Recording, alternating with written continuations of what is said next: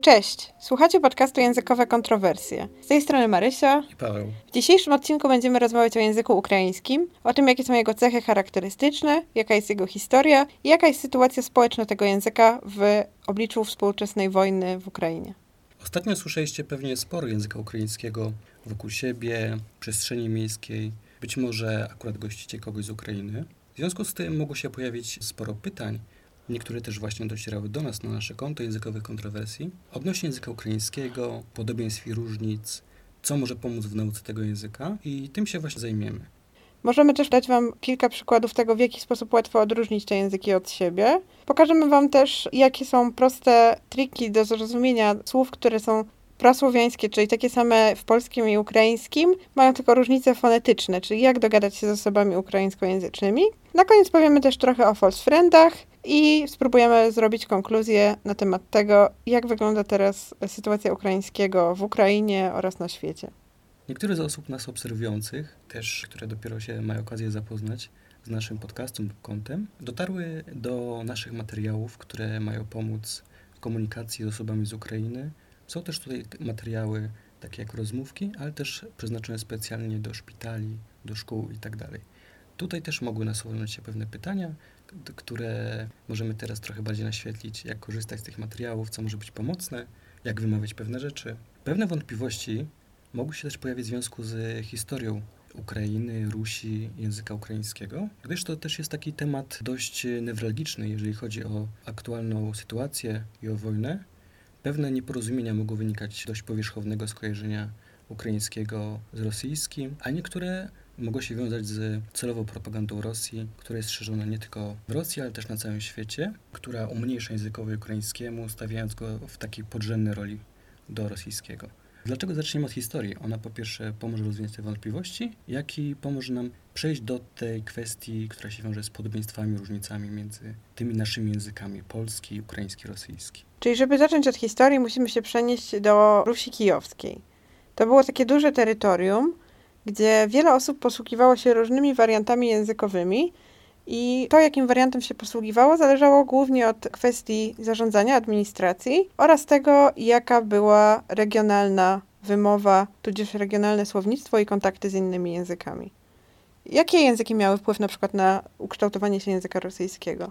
Ogólnie w przypadku tych języków Wpływ miały przede wszystkim te języki, z którymi te społeczności się stykały. Te społeczności już dość wcześnie się rozeszły, znajdując się w różnych terytoriach państwowych. E, Moskwa utworzyła własne, własne państwo koniec końców. Co do rosyjskiego można tutaj zmiankować na pewno o starocerkiewno-słowiańskim, który miał duży wpływ na ten język.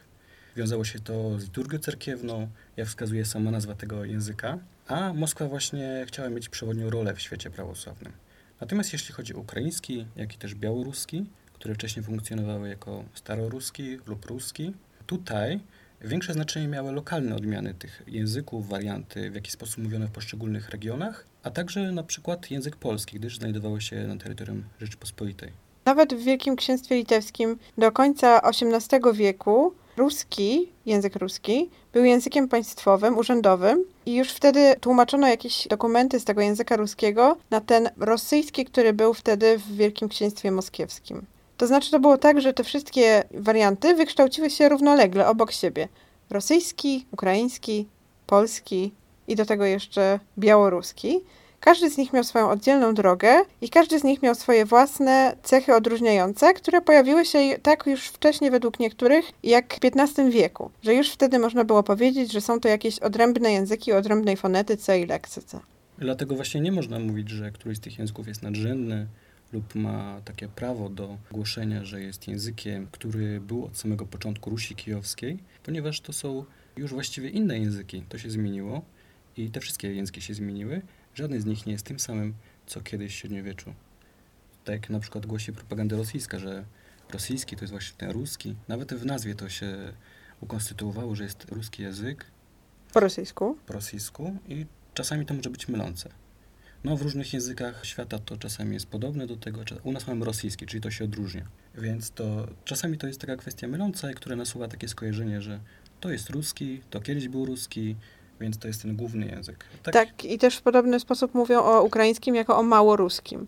Czyli po rosyjsku małoruski, to był tak naprawdę, można by to przetłumaczyć, czy zrozumieć jako małorosyjski, prawda? Tak, szczególnie tej nazwy używała propaganda jeszcze carska. Dokładnie. A na polskim to może nie brzmi aż tak bardzo dziwnie, bo mamy przecież oddzielny język rosyjski i małoruski. Tylko jeśli spojrzymy z punktu widzenia języka rosyjskiego, to brzmi tak jakby, przetłumaczę tak do, do, dosłownie bardzo, rosyjski i małorosyjski. Możemy sobie wyobrazić, że tak to wygląda. Tak, więc no teraz się przenosimy z dawnej Rusi do współczesności i w związku z tym ta historia do tej pory ma pewne znaczenie, ponieważ to w jaki sposób języki te się wykształciły, to też mówi o tym, co dzisiaj mają specyficznego w sobie. Te zmiany przebiegały na przestrzeni stuleć i mówią o tym, czym jest dany język, jakie ma własne specyficzne cechy, czym się odróżnia od innych. Czasami jest tak, że niektórym rosyjski z ukraińskim bardzo się kojarzy z powodu cyrlicy. To znaczy, my piszemy pismem łacińskim, z kolei właśnie te wschodniosłowiańskie języki są charakterystyczne z tego powodu, że używają cyrlicy. Ale trzeba pamiętać, że cyrlicy nie wymyśliła Rosja, Cyrylica jest czymś wcześniejszym i wcale nawet nie pochodzi z tych terenów. Powstała już w średniowiecznej Bułgarii.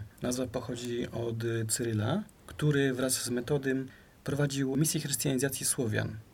I zresztą do tej pory języki słowiańskie, ale nie tylko, posługują się cyrylicą. Są oczywiście pewne wyjątki, jak na przykład polski, czy czeski, czy chorwacki, które posługują się łaciną.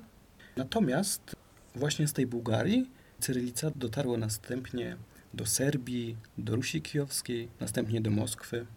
Czyli jest inaczej niż wiele osób sobie wyobraża. To nie było tak, że z powodu rosyjskiego zaczęto pisać ukraiński cyrylicą, tylko ta kolejność była odwrotna. Ale co tutaj jest ważne, bo chcemy właśnie mówić o tych podobieństwach i różnicach, właśnie ta cyrylica nasuwa takie skojarzenie, że rosyjski, który znamy na przykład ze szkoły, kiedyś był powszechnie uczony, dzisiaj nadal jest często. Stąd możemy znać właśnie to pismo i kojarzyć właśnie przede wszystkim z rosyjskim. A widząc na przykład ukraiński, osoby, które nie znają tych języków, mogą mieć takie wrażenie, że to jest to samo, prawie to samo. A jednak to nie jest to samo, bo w ukraińskim alfabecie są litery, których nie ma w rosyjskim i odwrotnie. Tak, to się zresztą wiąże ze specyfiką tych języków, jak też historię fonetyczną. Pewne dźwięki się zmieniały, też zapis, powstawały nowe litery. Na przykład w ukraińskim są czasami takie same znaki, ale czyta się je inaczej niż w rosyjskim. Podamy tu takie pewne przykłady. One są też znaczące, jeżeli chodzi o to, jak będziemy chcieli coś przeczytać w tym języku. Na przykład ktoś może znać rosyjski i kierować się tym, o, znam cyrylicę, w takim razie będę wiedział, jak to przeczytać, ale są pewne takie, powiedzmy, pułapki dla kogoś niezapoznanego, a kto chciałby właśnie się skomunikować albo zacząć się uczyć języka. Przykładowo taka litera, która jest wymawiana w rosyjskim jako je, to w ukraińskim jest wymawiana jako e. Kolejna litera, która jest wymawiana w rosyjskim jako i, w ukraińskim jest wymawiana jako e. Natomiast na literkę i powstał oddzielny dźwięk. Jest też nawet taki dźwięk i z dwoma kropeczkami, bo to i w ukraińskim wygląda jak to i w alfabecie łacińskim. Natomiast to i wygląda jak takie i z dwoma kropeczkami u góry. I ciekawe, ona jest właśnie w samej nazwie państwa, prawda? Jest w samej nazwie państwa, czyli Ukraina i jest to też litera, która występuje jedynie w języku ukraińskim. Jeżeli chodzi właśnie też o kwestię tego i, to tutaj jest też ciekawa kwestia historyczna z kolei. Tak, jest taki proces fonetyczny, który polegał na tym, że przez wydłużenie zastępcze, zanik ile czasu i przejście jeszcze historycznie przez dyftongi, w rezultacie otrzymaliśmy takie i, które zapisujemy właśnie za pomocą tego i, które jest takie samo jak w językach zapisywanych łacinką, ale może to być czasami mylące, bo ono pojawia się w konkretnych kontekstach. Możesz podać przykłady? Na przykład takie słowo jak kot. Po rosyjsku to jest kot, po ukraińsku to jest kit. I tam już mamy tą literkę i. Wiele jest takich słów właśnie z o czy z e w języku polskim czy w rosyjskim, które w ukraińskim mają i. Tak, ten proces się nazywał ikawizm, od właśnie tej literki, od tego dźwięku i, który ewoluował z niektórych dźwięków o oraz e w ukraińskim. To też jest na przykład ciekawe, jeśli widzicie nazwy miast po ukraińsku, to tam ta końcówka, która w polskim jest ów, po ukraińsku będzie iw. Możesz podać jakieś przykłady? Kijów, Charkiw, Lwiw. Więc tutaj, tutaj właśnie się powie to i. Tak, to możemy zauważyć pewną regularność, na przykład jak słuchamy, jak ktoś coś mówi i nie do końca możemy jego lub ją zrozumieć, możemy zobaczyć, że często jest właśnie tam, gdzie ktoś ma i, powinno być w języku polskim to wymawiane jako o. Możemy łatwiej na przykład sobie skojarzyć, skąd ktoś pochodzi, jeśli nie możemy zrozumieć, że ktoś mówi na przykład Lwiw i nie rozumiemy o co chodzi, a to po prostu chodzi o Lwów. Czyli taka świadomość tych różnic fonetycznych może nam się pomóc dogadać z niektórymi osobami. Szczególnie właśnie o tym i warto zapamiętać, e, jeżeli chodzi o komunikację, próbę zrozumienia języka, czy startowanie z nauką tego języka. Zobaczymy to bardzo często w wielu wyrazach. Na przykład jak mamy słowo on, to po ukraińsku to będzie win. E, jak mamy słówko pod, to będzie pid. Wspomniany kot to jest kit. Jest nawet kiszka i to nie jest coś związanego z ciałem, tylko to jest po prostu kotka i tak dalej. Więc warto zwracać na to uwagę. To generuje całkiem sporo false friendów, ale o false friendach powiemy jeszcze na końcu. Też może zwróćmy uwagę na to, jak wygląda język polski, bo to często też może mieć wpływ na to, co się zmieniło. Bo te zmiany przebiegały zarówno w ukraińskim, polskim, innych językach słowiańskich. Więc być może pewne podobieństwa, ale też nie do końca podobieństwa z pewnymi drobnymi różnicami mogą wynikać z procesów, które nastąpiły w polskim. Co to może być? Czy chodzi ci o E i L? Ja na przykład. To kwestia tego L i E jest trochę kontrowersyjna. Kiedyś już pisaliśmy o tym na Instagramie, taki krótki wpis na temat tego, dlaczego niektóre słowa w, z języka ukraińskiego, na przykład imiona i nazwiska, transkrybujemy przez EU, mimo iż y, tak naprawdę nie jest tam EU. I tutaj jednym z takich przykładów był, y, było takie nazwisko, które stanowiło bardzo wiele problemów dla niektórych dziennikarzy i dziennikarek na początku, czyli nazwisko prezydenta Ukrainy. Tak, prezydent Ukrainy to po ukraińsku Zeleński. Czyli tam słyszymy takie dziwne, można powiedzieć, le. Dziwne, ponieważ nie ma go na co dzień w języku polskim. I w transliteracji polskiej mamy tam EU.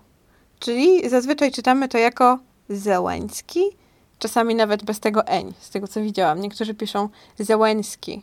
Czyli bardzo trudno jest nam to wymówić z tego powodu, że taka zbitka fonetyczna n, s, k, i, bez tego zmiękczenia ni, a z tym e po środku jest dość e, nietypowe w języku polskim. Być może jest nam trochę dziwnie tak z czasami z tym e, dlatego że tak naprawdę, tak jak słyszeliśmy, po ukraińsku tam nie ma takiego e jak w języku polskim. Ły jest w języku polskim tak zwaną półsamogłoską, tudzież spółgłoską półotwartą, zależy jaką terminologią się posługujemy, ale w takiej anglosaskiej e, terminologii to byłaby półsamogłoska. To znaczy, że to jest coś pomiędzy. Z kolei L każdego rodzaju, czy to zwykłe ly, czy to takie ly, to jest dźwięk boczny. To, że to jest dźwięk boczny, oznacza tylko tyle, że powietrze płynie bokami języka, a nie środkiem, tak jak w przypadku innych dźwięków. Oba dźwięki są boczne, tylko to, że ten dźwięk w języku ukraińskim jest tylnojęzykowy. I taki dźwięk był kiedyś w języku polskim, bo on jest bardzo charakterystyczny właśnie dla wielu języków słowiańskich. I to był taki dźwięk nazywany przez wiele osób takim aktorskim czy scenicznym ły. Możemy to usłyszeć na przykład, jak ktoś jest z Warszawy, to na pewno kojarzy e, stację metra Ratusz Arsenal że nie mamy tam ratusz Arsenał. I teraz e, problem jest taki, że ta transliteracja odpowiada temu, jak kiedyś mówiono po polsku. Czyli kiedyś rzeczywiście ten dźwięk odpowiadałby jeden do jeden, tak? Czyli kiedyś ły było wymawiane w polskim jako ly. Tak, dokładnie. Ten znak na ły wymawiany był jako ly.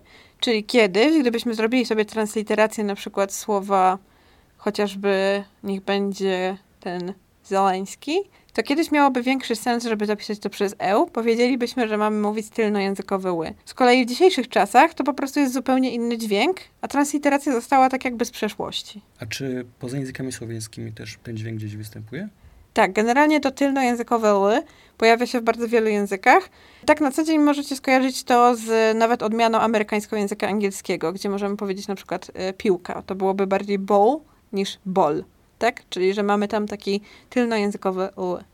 Ja z kolei widziałam, bo jeden z ministrów w Ukrainie teraz ma na imię, teraz powiem to tak bardzo, jakbyśmy bardzo, bardzo spolszczyć, a nawet zruszczyć. Oleg. Znamy takie imię, prawda? Albo Oleg po polsku. I teraz zapis jest taki, że jest O, L, powiedzmy E i dźwięk teraz, który odpowiada w języku ukraińskim, Aha. a w języku rosyjskim G. I wiele gazet, właśnie takich popularnych serwisów, nie ma jakiejś spójności w transliteracji tego. Niektórzy piszą ołech, czyli tak jakby, ja nie wymawiam dobrze tego H, czyli tak jakby trochę starali się zrobić to pod e, tę transliterację taką dawną tego eł i dobrego H. Niektórzy piszą Oleg, czyli tak jakby trochę po rosyjsku, ale nie do końca. Niektórzy robią właśnie to transliteracją rosyjską, a niektórzy w ogóle mieszają i piszą na przykład Olech. I tak naprawdę nie do końca wiadomo, co tam powinno być. Ale to prowadzi nas do kolejnego dźwięku, czyli twardego H. Tak, czyli twarde H w ukraińskim To jest właśnie ta litera, która w języku rosyjskim odpowiada dźwiękowi G. Tak kiedyś też było w historii języka ukraińskiego, ale to przeszło w A. Ten dźwięk zresztą chyba występował też w polskim kiedyś. To zależy, jak się go do końca wymawia, bo jeśli chodzi o takie tylnojęzykowe dźwięczne H, to jak najbardziej. Jeśli chodzi o takie gardłowe, może być trochę więcej problemów z powiedzeniem, czy do końca występował. I tak i nie. Czasami niektórzy na granicach słów albo po prostu w środku wyrazu, gdzie mamy H, a później jakieś dźwięczną spółgłoskę, na przykład D, jak w słowie Bohdan. Jak mogłeś to powiedzieć z dźwięcznym H? Bohdan. Czyli zwykle powiedzielibyśmy Bohdan, a tutaj mamy Bohdan, tak? Albo też jeszcze jest Klerda. Klerda. Czasami niektórzy mówią niechby, niechby. Ja nie umiem za bardzo powiedzieć tego dźwięcznego H, bo jestem bardzo polska w swojej wymowie. Ale niektórzy czasami właśnie na tych granicach wyrazów mówią to dźwięczne H. Niektórzy też twierdzą, że na przykład w słowie Henryk, ja mówię teraz bardzo polskie H, w słowie Henryk, Henryk, też pojawia się to takie tak zwane dźwięczne H. Generalnie za każdym razem, jak mamy samo H w języku polskim, to można powiedzieć, że ono jest właśnie z tych zapożyczeń, bardzo często z y, języka ukraińskiego, ale nie tylko, z różnych języków, bo dla polskiego to nie było aż takie charakterystyczne. No i właśnie, bardzo często jest tak, że jak ortograficznie piszemy samo H, to te słowa czasami przychodziły z języka ukraińskiego. Nie tylko z ukraińskiego, ale jest kilka takich słów, które możemy wymienić. Jak na przykład watacha, czyli po ukraińsku watacha, Hałas pochodzi od ukraińskiego halas. Jest jeszcze hultaj, czyli kiedyś owultaj. W ukraińskim mamy też takie H jak w języku polskim. Transliterujemy je przez CH, czyli to jest coś, co w cyrylicy zapiszemy przez taki znak, który wygląda jak X. I to w sumie może prowadzić do kilku problemów, bo w języku ukraińskim są takie słowa, które różnią się właśnie tylko tym H. Czyli czasami to jest takie H, o którym przed chwilą mówiliśmy na tych przykładach, które zapisujemy jako same H w języku polskim, a czasami to jest właśnie takie H, które zapisujemy jako cecha w języku polskim, ale u nas ta zmiana w wymowie pomiędzy jednym H a drugim H się nie zachowała. Czyli tak naprawdę w standardzie, bo nie mówię tutaj o osobach, które mają jakieś regionalne warianty wymowy, ale w standardzie języka polskiego to H będziemy wymawiać tak samo. Z kolei w języku ukraińskim są takie słowa, które mogą trochę robić zamieszania. Zresztą w języku polskim często mamy G, tam gdzie w ukraińskim się później wykształciło ra. Dlatego też mamy taki wyraz jak rolodny, który znaczy głodny. I mamy też wyraz holodny, który znaczy chłodny. Możesz powiedzieć te dwa wyrazy obok siebie? Rolodny, holodny. Mam nadzieję, że słyszycie tę delikatną różnicę. I może być tak, że powiecie na przykład, czy jesteś głodny, i ktoś może, jeśli powiedzieć to z takim polskim ha, ktoś może to zrozumieć, y, czy jest ci zimno tak naprawdę. Tak więc y, czasami trzeba się trochę postarać. Trzeba spróbować powiedzieć takie dźwięczne H, czyli tak jakbyście chcieli powiedzieć coś dźwięcznego, wasze struny głosowe muszą zadrgać do wypowiedzenia tego H. Jeśli już jesteśmy przy tych fonetycznych, fonologicznych różnicach polski i ukraiński, to może wspomnimy też o polskim RZ. Bo to polskie RZ to jest coś też, co wyłoniło się z wcześniejszego dźwięku. W językach słowiańskich to było pierwotnie takie miękkie ry, mhm. Natomiast y, w języku rosyjskim czy ukraińskim, w wielu językach słowiańskich, to nadal jest ry, dlatego też mamy takie wyrazy, które są podobne, ale się właśnie różnią tym dźwiękiem. Na przykład po polsku mamy słowo lekarz, a po ukraińsku mamy likar.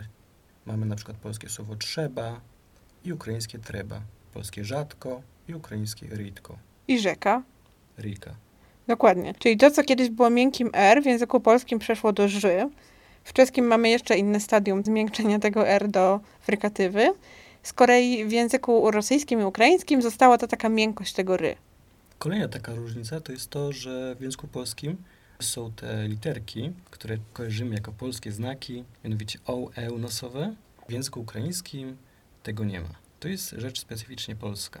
Więc jak się uczycie języka ukraińskiego, to zwracajcie w tabelach odmiany na to, że na przykład w polskim tam jest O czy E, i co się dzieje w języku ukraińskim. To może pomoże w nauce, jak to zastępować, w których miejscach, przez co. Na przykład, jak mamy polskie słowo nioseł, to w języku ukraińskim to będzie nesu. W rosyjskim natomiast niesu. Czyli tam się powie u. Tak. Ale mogą być też inne opcje. A często jest u na przykład nogę i nogu. Tak, można to sobie w sumie skojarzyć tak, w języku polskim tego e na końcu wyrazów już raczej nie wymawiamy, ale czasami jest tak, że na wschodzie zdarza się słychać, że ktoś mówi takie jakby l, niosel, coś takiego. I można sobie wyobrazić, że to l przeszło do u. Czyli mamy coś, co brzmiało trochę jak e, powiedzmy, że taka półsamogłoska tylnojęzykowa, która przeszła do samogłoski tylnojęzykowej. No tak, już tak trochę y, bardzo zniekształcając polskie słowa, to zróbmy takie nio, se, u i robimy nesu. Dokładnie. I trochę takim żargonem może fonetycznym, ale jeśli ktoś jest bardziej wkręcony w te tematy, to mam nadzieję, że doceni. Co do takich rzeczy, które mogą być mylące w samym języku ukraińskim, poza tym właśnie ha i ra, to też można powiedzieć coś o akcentach. Przeważnie to nie ma takiej dużej problematyczności, natomiast są pewne słowa, takie pary słów, w których ta różnica jest istotna, jak zaakcentujemy dany wyraz. Na przykład mamy taki bezokolicznik brać, po ukraińsku to jest braty. Wiele bezokoliczników po ukraińsku ma właśnie takie, że tak powiem, bardzo nietechnicznie twarde ty. Czyli po polsku mamy ci, coś, co się zrodziło z tego, że było ty i jakiś miękki znak, nazwijmy to miękki znakiem, takie zmiękczone ty na końcu. W języku rosyjskim tam też będzie coś miękkiego. Tak, tam jest właśnie ti, na przykład brati. Brać. Czyli coś bardziej, powiedzmy, podobnego do tego, co mogło być w prasłowiańskim, bo przecież nie wiemy, to jest tylko rekonstrukcja. Czyli jakieś takie ti. W języku ukraińskim to się stwardniło, że tak powiem, do y, czyli to i trochę się cofnęło. Po przejściu od i do y to jest kwestia cofnięcia języka. Czyli żeby się nie spalatalizowało, czyli nie zrobiło ty z ci, tak jak w polskim, w języku ukraińskim mamy ty. Po polsku mamy brać, czyli już zupełnie to ty się spalatalizowało, czyli zrobiło się z tego miękkie ci. Po rosyjsku mamy stan pośredni, ti, a w języku ukraińskim mamy ty. Kontynuuj z tymi bratami. Tak, więc y, braty znaczy brać. Ale jest też słowo braty, czyli bracia. I można tutaj się pomylić, jeżeli coś źle zaakcentujemy. Tak, dla nas może być też trudno wyłapać ten akcent, który jest e, leksykalny, bo u nas raczej nie ma takich w języku polskim słów, które różnią się tylko akcentem. W języku angielskim czasem się na, na przykład pojawia, mówię o angielskim, bo to jest taki język, który bardzo dużo osób może znać. Ale w języku ukraińskim jest trochę jeszcze inaczej, gdzie to, jak zaakcentujemy jakąś sylabę, może wpłynąć na znaczenie. Jeśli już jesteśmy przy takich mylących podobieństwach i różnicach, to przejdźmy może do tych, które łączą lub różnią polski i ukraiński. Czyli tak zwane false friendy. Tak, skąd one się biorą w ogóle? No one się biorą z tego, że tak jak mówiłam wcześniej, zakłada się, że był jakiś taki jeden język prasłowiański, z którego wyewoluowały te różne języki, rozdzieliły się od siebie. Zakłada się, że był taki język, patrząc na to, że są słowa, które są w sumie bardzo podobne w swojej formie i często w znaczeniu, chociaż właśnie z tym znaczeniem bywa różnie. Było na przykład takie słowo, jak to, coś, co znamy teraz w języku polskim jako owoce. W języku ukraińskim znamy je jako owoc. Tylko, że w języku ukraińskim ono znaczy coś innego. To znaczy warzywo.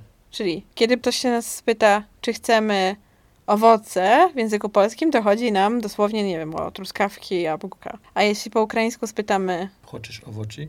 To ta osoba będzie miała raczej na myśli ziemniaki albo, nie wiem, jakieś kalarepy, jakie są jeszcze warzywa. Dynia. Na przykład, chociaż dynia to po ukraińsku... Melon. Melon. To w sumie ktoś by chciał e, frukty, nie owoci. Tak, to znowu taka pomyłka. Może trochę się zamieszaliście już teraz, ale chodzi generalnie o to, że w przypadku tych owoców było tak, że dawniej nie było takiej klasyfikacji owoce warzywa jak teraz, że wiemy, co jest owocem, co jest warzywem na tej samej zasadzie, tylko raczej chodziło o to, że owoc to było wszystko, co było jakimś tam płodem rolnym, czyli coś, co udało się wyhodować, czyli nie rozróżniało się tego w ten sposób, a warzywo to było coś, co trzeba było uważyć, czyli ugotować. Jak słyszymy słowo warzywo, to od ważenia. I w języku polskim właśnie to się tak zachowało, że owocami zostały te wszystkie rzeczy, które można jeść na surowo. Z kolei warzywa to są te, które musimy ważyć, ważyć i już później weszła ta klasyfikacja standardowa, trochę w sumie z zewnątrz. Z kolei w języku ukraińskim na słowo owoce pojawiło się inne słowo, czyli frukty, a owoci zostały jako te na denotację warzyw. Więc widzimy, że ta historia naszych języków, jak one się rozchodziły, powodowała też pewne przesunięcia semantyczne, które teraz nas mylą nawet jak chcemy to tłumaczyć, to czasami możemy się wpaść pewne zamieszanie, przechodząc od jednego słowa do kolejnego, jeszcze do kolejnego, wskazując, które co znaczy. Czasami tworzy się taki łańcuszek. Jeżeli chcecie zobaczyć więcej takich słów pułapek, to zrobiliśmy o tym specjalny wpis na naszych social mediach, też na naszej stronie internetowej to się pojawia. Tak. Tutaj warto zwrócić uwagę na to, że nie wszystkie te słowa mają aż tak duże przesunięcie semantyczne, prawda? Tak. Czasami to jest taka delikatna różnica. Tak, na przykład jak mamy słowo które znaczy po ukraińsku dużo, wiele, to jest bagato, to może się nam kojarzyć ze słowem bogato. Ale przecież jak na przykład coś się zrobiło na bogato, stół zastawiony na bogato, to znaczy, że tam jest dużo rzeczy, wiele rzeczy. Tak, czyli dosłownie byśmy nie użyli tego dokładnie tak samo, ale możemy złapać sens o co chodzi, nie? Tak, więc czasami można złapać sens. E, łatwiej na pewno jest też, jeśli chodzi o jakieś rzeczy, czyli owoc, kot, coś jeszcze. Nawet jeżeli będzie jakieś nieporozumienie, to możemy to wskazać. Gorzej trochę jest z jakimiś przymiotnikami, z innymi tego typu słowami. Czasami są też takie słowa, na które chcemy zwrócić uwagę, w przypadku których to może mieć znaczenie, jeżeli na przykład chodzi o jakieś funkcjonowanie w kraju, do którego się przybyło, jeśli na przykład chcemy komuś pomóc, wyjaśnić coś. Tak jest na przykład w przypadku słowa oznaczającego paszport. Tak, paszport to po ukraińsku też dowód osobisty. Tak, dokładnie paszport. To może oznaczać te dwa słowa, nie tylko paszport. I żeby wskazać te różnice, że chodzi nam o ten taki paszport, dzięki któremu wyjedziemy za granicę, musimy dodać, że to jest... Zakordonny paszport. Czyli zagraniczny dosłownie. Tak, jeśli już doprecyzujemy, że chodzi o zakordonny, czyli zagraniczny, to może czasami pomóc wyjść z takiego zamieszania, o co chodzi. Bo u nas są dwa oddzielne słowa, dowód i paszport, a tam na oba, na oba w skrócie powiedzielibyśmy paszport, z kolei jeden będzie zakordonni. To może już widzicie mniej więcej, jakie są cechy charakterystyczne języka ukraińskiego. Mamy nadzieję, że pomogliśmy też trochę wymawiać te takie kłopotliwe dla nas Polaków dźwięki. To teraz może porozmawiajmy o tym, jak język rosyjski i rusycyzmy funkcjonują w dzisiejszych czasach w języku polskim. Już od bardzo, bardzo dawna, bo jeszcze od powiedzmy XVIII-XIX wieku, w języku polskim i wśród poprawnościowców języka polskiego, tak zwanych normatywistów, była pewna niechęć do zapożyczeń z różnych języków. O ile dawniej to mogłoby być momentami zasadne, bo był jakiś taki czas, kiedy jednak była ta rusyfikacja i próbowano pozbyć się języka polskiego i generalnie Polska była jako kraj nie aż tak stabilna jak teraz. I można było zrozumieć w pewnym sensie to, że ktoś doszukiwał się też zadr na języku polskim, jeśli chodzi o wpływy rosyjskie. To w dzisiejszych czasach taka niechęć do rusycyzmów, szczególnie takich, które nie są zbyt oczywiste, wydaje się być troszeczkę co najmniej absurdalna. E, które się wydają być nieoczywiste? Mam na myśli takie, że na przykład nie masz takiego słowa jakby wyjętego z rosyjskiego, że mówimy abarot, to wiadomo, że to nie jest codzienna leksyka polska, tylko masz takie poczucie, że to jest zapożyczenie z, ros z rosyjskiego. Szczególnie, że tam jest taki charakterystyczny akanie na początku, czyli to jest tak jakby obrót tylko z a na początku na nieakcentowanej syrabie w języku rosyjskim, bo u nas to normalnie akcentujemy, ale są też takie na przykład konstrukcje gramatyczne, do których całkiem przywykliśmy i zanim nam ktoś nie wskaże, że to jest rusycyzm, to nawet możemy nie zdawać sobie z tego sprawy. Zresztą też jeżeli ktoś wskazuje, że to jest rusycyzm, to nie zawsze to oznacza, że to chodzi o język rosyjski. No właśnie, to może być czasami tak, że rzeczywiście przyszło z języka rosyjskiego, ale istnieje też w innych językach wschodniosłowiańskich. Lub przyszło do polskiego tak dawno, nie w czasie zaroborów, tylko jeszcze wcześniej, poprzez kontakty językowe, że tak naprawdę ciężko jest nam powiedzieć, skąd to się w ogóle wzięło w języku polskim, ale ktoś kojarzy to ze wschodniosłowiańskim językiem i przez to stygmatyzuje to jako rusycyzm, mówiąc, że tak nie powinno się mówić. Zresztą to wykluczanie rusycyzmów, takie powiedzmy zignorowanie ich, wyparcie ich ze świadomości. Czy nawet wytykanie, bo to nie chodzi tylko o wypieranie, bo jeśli ktoś chce sobie wypierać, to droga wolna. Ale mnie najbardziej jednak dotyka, kiedy ktoś mi wytyka, że ja, ja tutaj używam jakichś rusycyzmów. Tak, albo osobom ze wschodu bardziej. To też, to z kolei, okej. Okay. Gorzej, jeśli ktoś wytyka to osobom ze wschodu, które nauczyły się języka polskiego na przykład, bo miały taką potrzebę i wciąż używają rusycyzmów. To wtedy jest już w ogóle nieprzyjemnie. Tak, to też e, się łączy z obecną sytuacją w Ukrainie i w Polsce. Bardzo wiele osób mieszkających w Ukrainie, zwłaszcza na tych terenach zaatakowanych przez Rosję, mówi właśnie w języku rosyjskim. To jest język, który dominuje, zwłaszcza w miastach, dużych środkach i te osoby są dzisiaj atakowane przez wojska rosyjskie. Mimo, że te wojska właśnie głosiły, e, propaganda głosiła, że to jest w celu obrony języka rosyjskiego czy ludności rosyjskojęzycznej, Tymczasem mm, jednak bez rozróżnienia ci ludzie są zabijani, niszczone są obiekty kultury także rosyjskojęzycznej. Ale o tym, co mówi propaganda rosyjska, zajmiemy się już w kolejnym odcinku. Tak, a jeśli chodzi jeszcze o te wszystkie rusycyzmy i kontakt z osobami rosyjskojęzycznymi, to na przykład mi się zdarzyło ostatnio jechać pociągiem i jakaś pani szukała pomocy z dotarciem gdzieś i mówiła właśnie w języku rosyjskim. W takich przypadkach czasem się zdarza, że te wszystkie rusycyzmy, tudzież ta nasza znajomość języka rosyjskiego, nawet przez rzeczy, które są w języku polskim, może nam pomóc skontaktować się z kimś, kto właśnie ucieka przed wojną albo potrzebuje czegoś, albo po prostu nie może do końca się odnaleźć w Polsce, gdzie bardzo wiele znaków jest po prostu w języku polskim i teraz są poprzyklejane na ścianach takie naklejki po ukraińsku, ale wciąż, najczęściej są wciąż po ukraińsku, nie po rosyjsku. A trzeba właśnie, tak jak mówisz, pamiętać, że bardzo wiele osób, które przyjechały do Polski z Ukrainy, jest rosyjskojęzycznych. więc nie można ich z tego powodu stygmatyzować. I to jeśli one dalej używają języka rosyjskiego, tak samo zresztą jak osoby na przykład z Białorusi czy z innych krajów post-ZSRR, to nie jest tak, że z powodu ich języka one mają jakieś złe zamiary lub powinny być dyskryminowane. Tak, więc y, te rusycyzmy mogą się przydać w takiej komunikacji, w próbie zrozumienia, zwłaszcza, że próbując się porozumieć z kimś, e, kto mówi innym językiem, próbujemy się chwytać tego, co znamy, to, co może być podobne. I to jest właśnie też dobry trop, zarówno w przypadku rosyjskiego i czasami też ukraińskiego. Niektóre też osoby z Ukrainy znają rosyjski. Dokładnie, a też czasem jest tak e, dodatkowo, że osoby, które nie lubią rosyjskiego i nie lubią rusycyzmu w języku polskim, czasami potrafią wytknąć niektóre słowa, które nazywają rusycyzmem, po czym sami używają słów, których nie nazwały rusycyzmami, a tak naprawdę pochodzą z języka rosyjskiego. Na przykład słowo aksjomat widziałam, że w jakiejś bardzo starej książce było wytknięte jako e, straszny rusycyzm, a nie zauważyłam, żeby ktoś stwierdził w dzisiejszych czasach, że nie należy go używać. Z kolei takie konstrukcje jak podrząd, czy z wielkiej, z małej litery, są już stygmatyzowane, chociaż fonetycznie wymawiamy je w języku polskim, po rosyjsku. Przecież nie mówimy po rosyjsku. Podriad? Tylko podrząd. To brzmi bardzo polsko. A i tak mówi się, że to jest rusycyzm i nie powinno się tak stylistycznie mówić. To jest takie trochę na bardzo cienkich nogach stępające, więc jeśli ktoś wam wytknie rusycyzm, to się nie przejmujcie. Pamiętajcie, że zawsze możecie to wykorzystać, kiedy będzie potrzeba na przykład pomóc komuś, kto mówi w języku rosyjskim. A jeżeli chodzi o pomoc osobom, które przybywają z Ukrainy, czy to ukraińskojęzyczne, czy rosyjskojęzyczne, to zachęcamy do zaglądania na naszą stronę internetową. Znajdziecie językowe kontrowersje w internecie na pewno. Może jeszcze dopiszecie pomoc językowa. Tam są różne materiały bardzo podstawowej pomocy. Możecie też do nas pisać, jak macie jakieś dodatkowe pytania, bo albo możemy wam pomóc sami, albo możemy was pokierować w konkretne miejsca. Tak. Jeśli chodzi też o pomoc bardziej specjalistyczną, to też znajdziecie materiały z wyrażeniami specjalnie dla osób zajmujących się medycyną, pomocą psychologiczną, pracujących jako wolontariusze w punktach recepcyjnych czy ośrodkach. Dokładnie. A teraz może jeszcze zastanawiając się w sumie nad tym, jaka jest sytuacja ukraińskiego i rosyjskiego, to pewnie niektórzy i niektóre z Was e, spotkały się z tym, że osoby ukraińskojęzyczne albo dwujęzyczne postanowiły przejść na ukraiński z języka rosyjskiego, prawda? Tak, to się zdarza ostatnio częściej. Na przykład w social mediach zdarzają się też takie apele, żeby zmienić swój telefon na ukraiński, jeśli jest się z obszaru Ukrainy. Tak, w niektórych aplikacjach jest nawet coś takiego, że jest automatyczne tłumaczenie, które można sobie włączyć z rosyjskiego na ukraiński. Tak, czyli na przykład nie używało się bardzo często języka ukraińskiego na co dzień i można coś napisać po rosyjsku, żeby wyskoczyły nam e, odpowiedniki ukraińskie.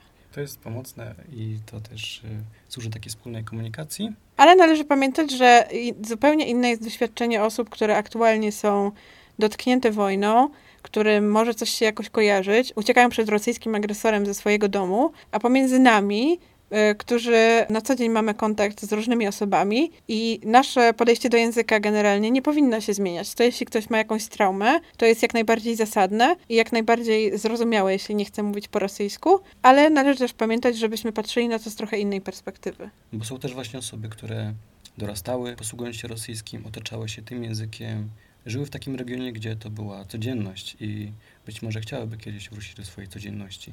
Sam język, mimo iż bardzo często jest podawany jako pretekst, nie jest niczemu winny. Dokładnie.